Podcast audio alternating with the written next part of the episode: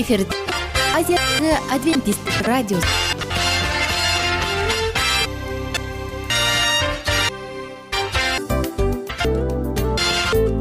awr баардык сүйүктүү угармандарыбыз niile өмүрдүн булагы. Абдан кубанычтабыз анда алгач аман. Ден соолугуңуз кандай деп жооп беребиз э жакшы дейбиз анан эм, э баары сонун үмүт соолугуңуз жакшы ee ezigbo ohere ọzọ apụtarala mụ na gị n'ụbọchị nke taa gị nwanne m nwoke gị nwanne m nwaanyị ойлойм кыргыз элинде анткени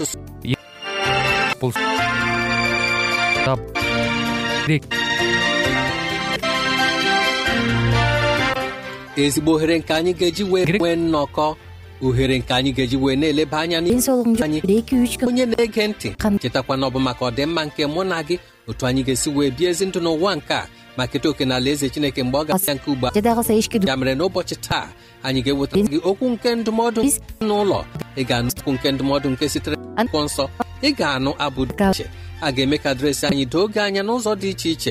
Ọ na-adịrị gị mfe irute anyị nso ụzọ ọ bụla биз болсо ọ ka bụkwa nwanne gị. Eze Kal- gị na ya na-anọkọ. Ndewo. Саламатсызбы саламатсызбы ден соолук аччы сайын сиз үчүн мыкты кеңештер сонун жаңылыктар кызыктуу фактылар биздин рубрика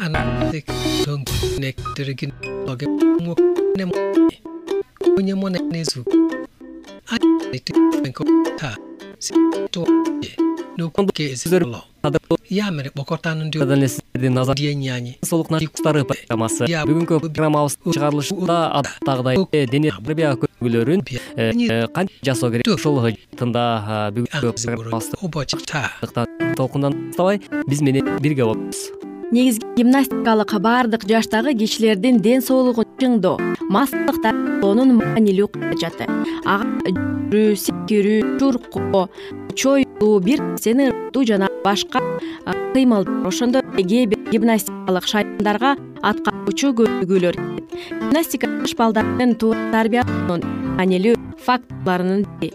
Ал баланын дене түзүлүшү тул мүнөзүн жакшы калыптандырууга жардам берет балдардын гимнастика менен өксүс мактыгуусу алардын кыймыл аракети дене дене келбетин жакшыртат ошондой эле балдарды чечкинтүүлүккө кайраттуулукка тарбиялайт борбордук нерв системасы жүрөк кан тамыр дем алуу булчуң системаларынын өнүктүрүп зат алмашуу процессин жакшыртат мындан сырткары дагы сөзсүз түрдө жогоруда кесиптешим айтып өткөндөй эле кымбаттуу угармандарыбыз ушул балдарды жакшы жеткиликтерди кичинекей өз отурда эле мектепда дагы балдарды эжелер ушундай түз үйрөтүп эмеспи баланын сүйүгү жумшак болгондуктан аны түз турууга ошондой эле өзүнүн денесин алып үйрөтүп анда келечекте ар кандай ооруларга дуушар болуп калышы ыктымал экен албетте жана кристелер жана мектеп жаш жете элек балдар үчүн артылган ийин курчоосунун курсак бут жана булчуңдарынын турат. Элексин басуу жүгүрүү секирүү бир нерселерге чыгуу кайрадан түшүү ыргытуу жана тосуп алуу тең салмактуулукту сактоо сыяктуу кыймыл аракет кирет. Эгер бала гимнастика менен ашыкпаса мезгилде бир нече ал эми жети сегиз көнүгүүлөрдүн көңүлдүү ой түрүндө же болбосо жаныбардын кыймыл аракетинен а, тууп аткаруу пайдалуу жана келет бала эки жашка толгондон баштап эртең мененки гигиеналык а, гимнастиканы жасоону үйрөтүү зарыл мисалы ан астында же компьютердиктеп отурбастан ишке чыгып na-abụghị өз ime ka ihe ошо жаатта урматтуу ата эне сиздердин колуңуздарга да күмүш сырга айтып кеткибиз келет. Э, керелди балага дагы көңүл бурбай өзүңөр да кошо кандайдыр бир э, соос тармактары аркылуу интернетти карап отурдун ордуна балдарыңыз менен күнүнө болгондо дегенде бир саат бир жарым сааттык убакытты балдарыңыз үчүн убакыт бөлүп мисалы иштен сырткары кечки үйгө келгенде балдар мүмкүн жөнөкөй үй шартында чоң ойноп мүмкүн ошол учурда футбол ойнойсузбу же волейбол ойнойсузбу же кыргызча айтканда орбу ушундай өнүгүүлөр балдар менен чогуу дагы сиздин саламаттыгыңызга жакшы шарттарын түзүп берет экен мындан сырткары кымбаттуу ата энелер сиздер ушул балдарыңыздар менен биргеликте телефондорду уктап чогуу отурбастан жана башка ушундай соц тармактар аркылуу эле элдин кечки убактыңызды коротпостон өзүңүз чүрпө менен сөзсүз түрдө кечки маал бир эки саатка убакыт бөлүп балдарыңыз менен чогуу ойноп андан сырткары дагы сөзсүз түрдө ар кандай спорттук көргөзмөлөрдү биргеликте үй бүлөңүз менен өткөзсөңүз бул сиздин саламаттыгыңызга жакшы бир натыйжасын алып келет болот экен мисалы катты көңүлдүү өткөргүңүз келсе анда камышык туурап бер же күчүктү туурап бер деп ким жакшы мүнөзгө даайы болот жана энесин чымыр кылат ооба чындап эле жогоруда кептешим айтып өткөндөй эле сөзсүз ушул ар кандай жаныбарларды туурап балдарыңыз менен өзүңүз дагы кошуп алып ойноп берсеңиз дагы аябай жакшы көнүгүү десек. Болот көнүгүү дагы анан үй бүлөнү дагы бекемдөөгө да айтам. Ооба үй бүлөдө дагы баягы никелик жашоону бекемдегенге дагы бул жакшы бир шарттарды түзөт экен. Андыктан бул нерселерди эске алып жашооңузда колдонуп турган болсоңуз сөзсүз түрдө өзүнүн мыкты натыйжасын кайтарып берет деген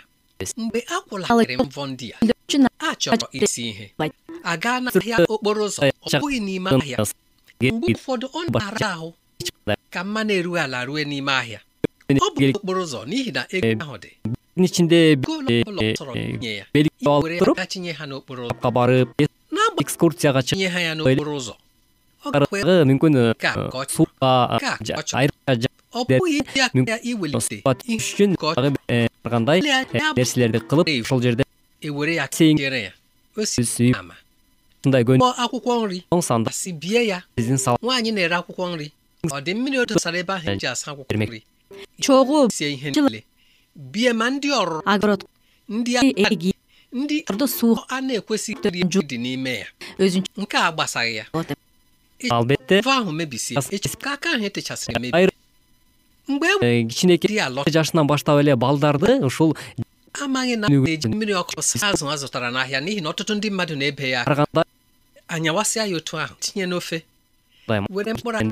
демек ụfọdụ n'ime ihe ndị a ngwa ngwa esesiri akwụkwọ nri ndị a ga-achọpụta na aja dị ya Oy. a pụrụ iji ya rụọ otu ụlọ nwoke lọta enye ihe oriri o kuru otu ngazi nri ya taa aja ya ekuru abụọ ya taa aja olee otu obi ga-adị nwoke dị otu a? Gị onye mụ na ya na-atụgharị uche matakwa n'ezie na ụfọdụ n'ime ndị ya na-agbasiwe aka ha otu a apụghị ịmụ. Андан сырткары дагы ebe ọ dịghị ihe ha na-emetụ aka ha esi eme ọcha ịsụpụ akwa ha na-ara ha ahụ karịkwa ma kpọtara onye na-asụ akwa. Gị onye mụ na ya na-atụgharị uche ka anyị were okwu a na nri баягы жоолук таштамай же болбосо кыз ọ bụghị ihe m chọrọ. Otu ọnwa үйлөңүз менен да ойносо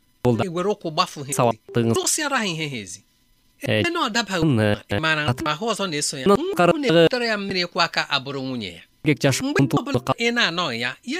ọrụ муну эске ọ ойдобуз жана ọ nọ na-ere ihe менен бир nọ ya, бир ya sị ka ọ bịa bịakwute nwa ahụ na-ejere gị ozi dịka m na-eme ka ị mara n'ụbọchị taa соолугуңуз Тария- болот were кезиккенче аман болуңуз ар бириңиздерге саламат leba anya n'ihe ahụ Chineke Agha- nyeworo gị Ee, ihe biko. ahụ o ji gọzie gị ma ọ bụghị otu a nramahụ na-eche gị ile anya n'ụbọchị ndị a. Otu a ọ na-adị. Asị abịakọtala Gerçisi. n'ụbọchị a echi Ama gbasasị ya денсаулыктын Gịnị? сайын otu onye n'ime anyị ihe kwesịrị ya ime. Ọ bụ ezie na anyị na-atụgasị ụmụ nwaanyị n'ụbọchị taa. Ma ụbọchị na-abịa mgbe anyị ga-eleba anya sị m na ụmụ nwoke zuru oke kama ọ ga-amasị m ka onye ọbụla na-ahụ onwe ya na ntụgharị uche nke ụbọchị taa bigharịa ndụ. N'ihi na ụzọ a nke ichere bụ ezi ụzọ pụrụ ịla gị n'iyi laa ihe ọbụla na-eso gị n'iyi. Ma arịrịọ mbụ ka chineke nyere кете турган болсок ọ болгон сонун иште ооба менен болгон маек аталарыбыз мунун иштер бар ошондой алды келет эмеспи да. Негизи бул жерге отуруп алып кенен баягы жүрөктөн жүрөккө ачып mgbasa ozi adventist world radio ka ozi ndị a si na-abịara anyị ya ka Gan- anyị ji na-asị кимибиз ọ bụ түйбөйбүз э ya masị gị ал тиги bụrụ nwere ntụzi Ọ. inye anyị адамга ma ọ bụ чыкканда dị баягы chọrọ anyị ысык маек ба korute anyị nso n'ụzọ otu a. биз бул рубриканы ойлоп Adventist тапканда world radio. Pmb менен жүрөктөн 1244 козгоп кеткен Nigeria Adventist World Radio. PMB 21244 Ikejer Lagos Nigeria. Email anyị bụ awrnigeria@yahoo.com awrnigeria at yahoo.com maọbụkwa na ị kụọrọ anyị n'ekwentị site n'akara ndị a 080 37281384 080 37281384 anyị na-eṅomi isiokwu nke ụbọchị taa ka anyị were ohere a kpọbata ndị ọbụ abụ SDA Church Garki Abuja ka ha wee nye anyị abụ dị iche ka anyị na-eche na nwanne anyị nwoke na onye mgbasa ozi Chukwulenye Arukwe onye anyị na ya ga-enyocha akwụkwọ nsọ n'ụbọchị taa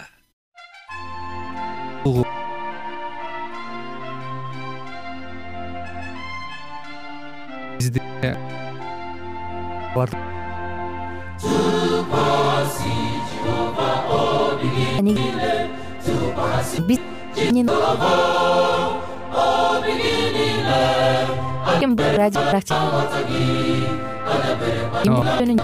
жерге жардам берет ким бир бирөө анын мазын тапкан жардам алдыда жөн гана кыскача жарнама угармандарыбыздын баардыгын кийинки рубрикага чакырат ал эми кыматтаак маңдайымда отурган кесипчим милан жана мен айнура. Анда эмесе биз даярдаган терең ойлор менен таанышууга ылыс ылыс баралы анда эмесе достор биз менен бирге болуңуздар. Алдыда эң кызыктуу маалыматтардын баардыгы бир нече мүнөт бою жалгыз сизге арналат ошондуктан жакшы маанай менен угууну каалайбыз. Үн алышканча. Жөндөдүк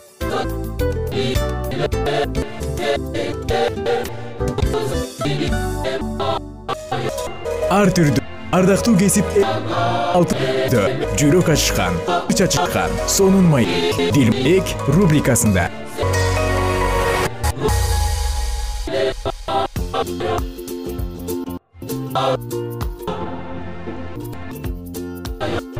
күнүңүздө мен ардактуу угармандар жалпы биздин сүйүктүү замандаштарыбызга сагынычтуу маекосу баш жалпы менен ку эми деп маек ар бирибизге керек.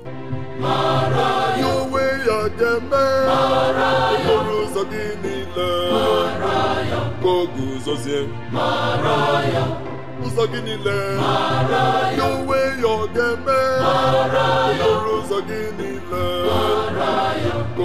guzozie ụzọ gị niile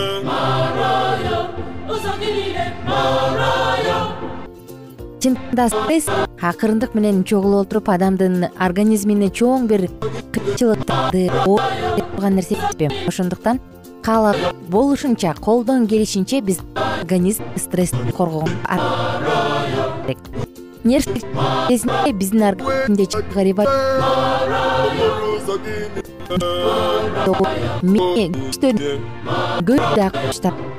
niile организм болгон мүмкүнчүлүгү менен иштеп бере турган болот. Бул стресстин баштуу коркунучу ата органдарды стресс кезинде кантип коргойбуз кеңестер дал ушул маалымат жөнүндө сөз.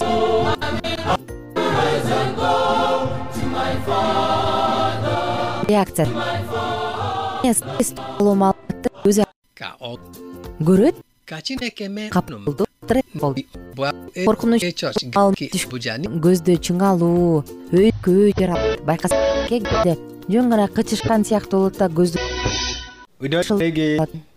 na-ege m ntị ugbu a ka amara chineke bara gị ụba ma gakwa n'ihu na ị na-eduzi gị ekele dịrị chineke n'ihi o nyekwala anyị ohere n'ala ndị dị ndụ taa ịnụkwa okwu a na-agba anyị ume ka anyị kpee ekpere tupu anyị agawakwa n'ihu imeela nna anyị nke eluigwe gị onye dị nsọ n'ihi ịhụnanya gị na ebere gị ka ị na-enweghị atụ n'ebe anyị nọ gbaghara anyị adịghị ọcha na-agazi agazi anyị niile kwee mgbe anyị na-aga ịnụ okwu gị n'oge a ka anyị nụtara мону иштелип чыгып ал жүрөктүн жана булчуңдардын bụ onye nwe anyị nke akwụkwọ nsọ сактайтын ndị Hibru татымал iri amaokwu nke iri atọ na isii ndị Hibru бөйрөк деп айта кеткен кетели демек стресс учурунда ал адреналинди көбүрөөк иштелип ihe анан жүрөктүн булчуңдардын иштеши күчөйт. Баягы байкасак керек э бир кыйын учурунда стресс болгондо бир оорчулук кыйынчылык Мыйзам болуп атканда чарчаганыңды билбей каласың денең баары ndidi кантип бир он беш жыйырма километрди басып кечке кантип кантип күтүп турганыңды балким жакында операция болгондор билет керек. Алты жети саатты кантип ушул операция айдында койгонуңду билбей каласың. Кантип ушул Чö- күчүң жеткенин билбей каласың? Курсактын ачканын билбей каласың. ya bụ na o nwere ndidi dịka anyị na-elenye anya na mkpụrụ nke mmụọ nsọ ndidi ma ọ bụ ntachi obi bụ ihe nke mmadụ na-ahụ ọnọdụ ya ejikọlata onwe ya ọ gaghị na-akụ isi n'elu na-akụ isi n'ala. Ọ ga-iji nwayọọ mee ihe niile o nwere ike ime iji hụ na ọnọdụ ahụ emeghị ya ka o mee ihe o kwesịghị ime.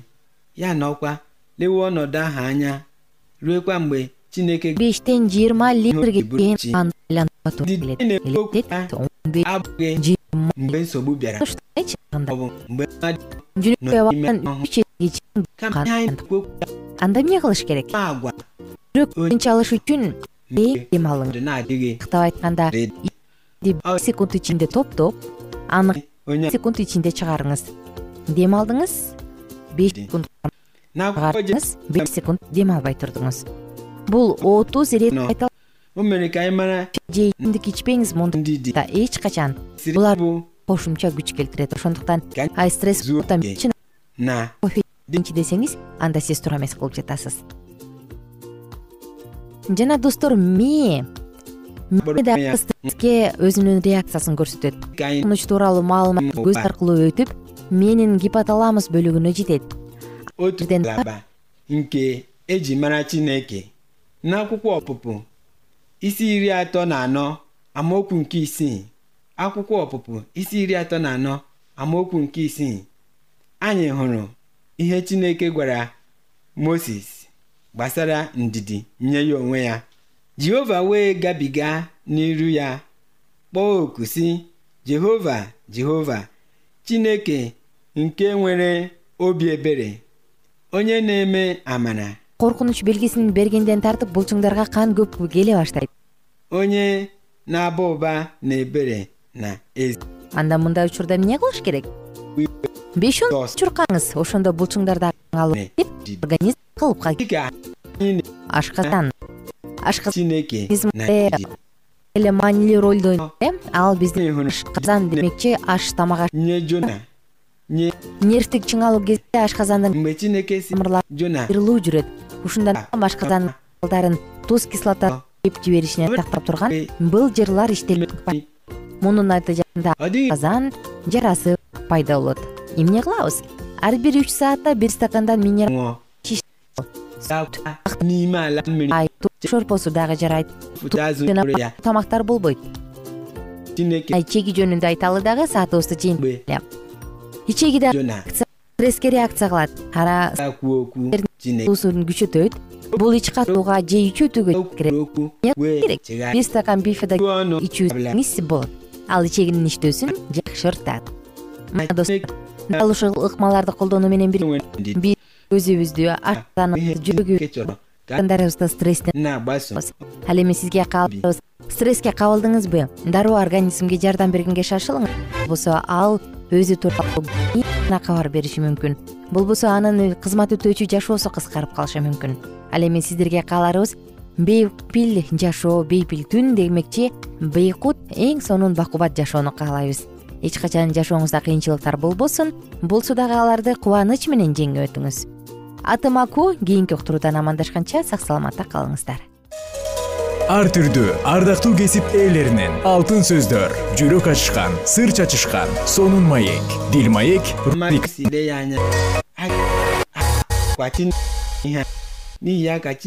жан дүйнөңдү байыткан жүрөгүңдү Pita nke abụọ isi atọ amaokwu nke asatọ na nke itoolu. Ebe ahụkwa akwụkwọ nsọ mere ka anyị mara жана кадырлуу угармандар жалпыга ogologo ntachi obi. Ụbọchị taa ọ bụghị na Chineke amaghị mgbe качанага катуу урууларга мылтык албастан барбай эле койбойсуңбу деп айтканда ал ар дайым мен сыйынуу n'ụwa. Жатам деген ал мени сактайт. Андан тышкары үйүм куралдандып жана менин колумда мукадас деп айткан. Ал taa англис тилдерин niile мукадас алып жүргөн. Катында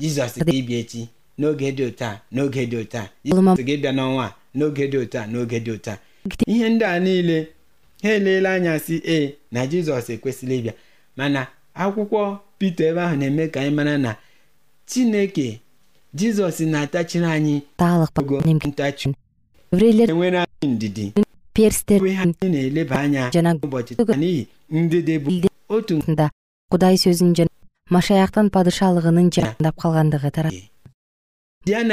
ọgwụgwụ жүргөн кезинде машаяктын келиши жөнүндөгү кабар сибдан guzosi ike өлкө n'ime ihe ọma n'ime ezi omume kwenyere okwu Chineke n'ige ntị n'okwu Chineke na-eche nche na-ekpe ekpere ọ bụ ya bụ ihe gụnyekọrọ na ndidi n'ihi ya ka o ji dị mkpa n'ụbọchị anyị taa dịka anyị na-agbaso ụzọ Chineke ka anyị rịọ mmụọ Chineke ịnọnyere anyị n'ime ndidi ọ dị anyị mkpa n'ụwa taa ka anyị kpee ekpere nna anyị nke eluigwe ekele na otuto dị өстүрүшпөйт үрөөн себишпейт чатырларда жашашат жана карып калган боорукер рехабдын уулу янадав жөнүндө эскеришет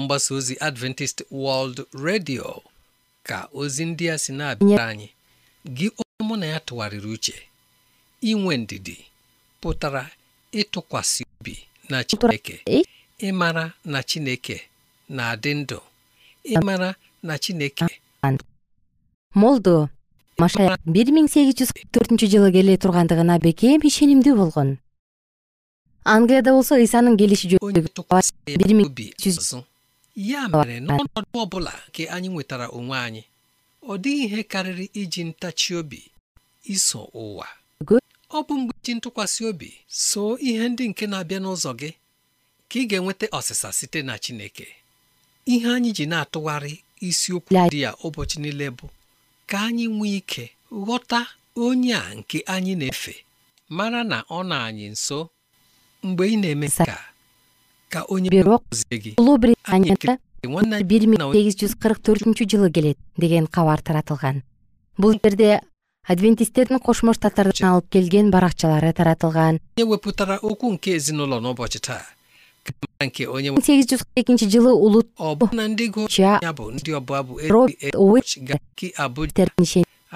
ka mara nke onye nwe m so unu n'ebe nke unu na-aga onye ahụ gere ntị n'ụbọchị taa ya gaziere gị ana m aga n'iru iwetara gị ozi ekele site na ndị mụ na ha na-alụkọ ọlụ bụ ọmọlayọ Pastor- Lushola Jegede na Ishaya Kraya ọ bụrụ na ihe ndị a masịrị gị rute anyị nso n'ụzọ dị otu a Adventist World Radio батууларына ыраазы болуп EMB улуту боюнча ислам жазууга 244 жана машина келиши жөнүндөгү кабарды алды бул жөнүндө адамдар эскертүүнү самап жана римдиктердин айыптоосунан сак сактап ал өз көз караштарын кагазга чыгарма катары жазып радио Nigeria. Email anyị bụ awrnigeria at yahoo dot com. Awrnigeria at yahoo dot com. Kọrọ anyị n'ekwentị na nọmba жыйырма бешинчи жылы гана барат. Жана ал жерде англис тилинде которулган бул китеп англиядагы машаяктын келиши жөнүндөгү суроолорго боло баштаган кызыгууларды ого бетер тереңдетти германияда бул кабарды элдерге лютеран жыйынынын кызматчысы он сегизинчи кылымдын көрүнүктүү диний аалымы жана сынчы бен гель тараткан. Билим алгандан кийин бен гель өзүнүн теология изилдөө арнаган. Жана анын олуттуу диний нерселерди түшүнө билген аң сезими жаш кезинен эле талыкпай изилденгендиктен өзүн өзү тарбиялай билген сапаттары буга шайкеш келип турган. Башка терең ой жүгүрткөн жаш адамдар сыяктуу эле ал дагы оор күрөшүүлөрдөн жана руханий өмүрүндөгү кыйынчылыктардан качып кете алган жок. Жана ал терең сезим менен кийинчерээк анын жүрөгүн жаралаган жана анын жаштыгын катуу түйшүккө айлантырган жебелер жөнүндө эскерет. Вюртенбергдеги диний соттун мүчөсү болуп шайлангандан кийин ал диний эркиндикти жактай баштаган жыйындын укугун жана мүмкүнчүлүктөрүн коргоо менен ал дагы өз абийиринин айыптагандыгына байланыштуу анын бир туугандык мүчөсүнөн чыгууну каалагандыктарын укугун жактаган. Анын жасаган иштеринин жакшы таасири азыр дагы анын мекенинде сезилип келет. Бир жолу бенгел насаат айтууга даярданып жатып аян китебинин жыйырма биринчи баптагы аяттар жөнүндө ой жүгүртүп андагы камтылган машаяктын экинчи келиши аны таң калтырат. Аян китебиндеги бул пайгамбарлык анын алдында ачылып берилет бул пайгамбарлыктын көп маанилүү жана улуулугуна таңданган ал башка эч нерсе жөнүндө ойлоно албай калат. Кийинки күнү дагы ушул чындык анын көз алдында өз айкындыгы жана күчү менен тартылып турду. Ошол күндөн баштап ал өзүнүн пайгамбарларды изилдөө үчүн арнаган. Өзгөчө апокалипсисти жана булар машаяктын келишинин жакындап калгандыгын көргөзөт деген чечимге келет. Окуяны билдирген күндү эсептеп чыгууда кийин миллер изилдеп чыккан мезгилден бир нече жыл айырмаланып турган.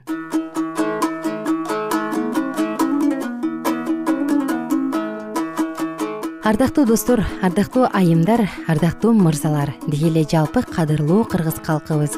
Сиздер менен бүгүнкү уктурууда дагы улуу күрөш китебинен үзүндү окудук. Өзүңүз байкагандай чындык кайсы гана жерде болбосун караңгыда болсо дагы шам сыяктуу жарык берет мына ошондуктан жашооңузда дайыма чындык өкүм сүрсүн. Чындык бийлик кылсын. Чындык сизди жетектесин. Ал эми сизге кааларыбыз жаратканыбыздын батасы кайрадан амандашканча сак саламатта туруңуздар.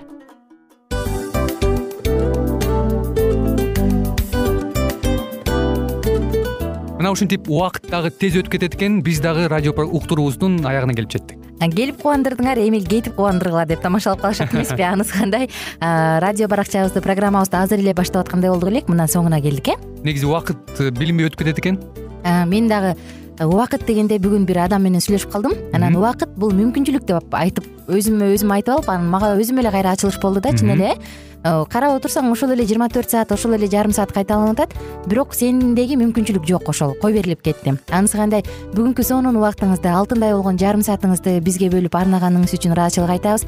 Анан жашооңуздун кайсы бир сферасын өзгөртө турган сонун пайдалуу кеңеш алган болсоңуз анда биз максатыбызга жеттик. Анан ушул нерсени кылбасам десеңиз ошол өзгөрүүлөрдү кичинекей кадамдардан баштап иш жүзүнө ашырыңыз дагы жашооңузда чоң чоң ийгиликтерге жетиңиздер чын жүрөктөн ар бир берилген кеңештер сөздөр сиздерге пайдасын алып келет деп ишенебиз. Жана кийинки уктурууларда сөзсүз түрдө чыдамсыздык менен сиздерди күтөбүз. Сагынычтуу салам айтып кайрадан дал ушул жыштыктан баардыгыңыздарды тосуп алганча кызматта мен айнура жана кесиптешим милан. Анда кол пулгалайбыз жалпыңыздарга ийгиликтүү күн. Саламатта калыңыздар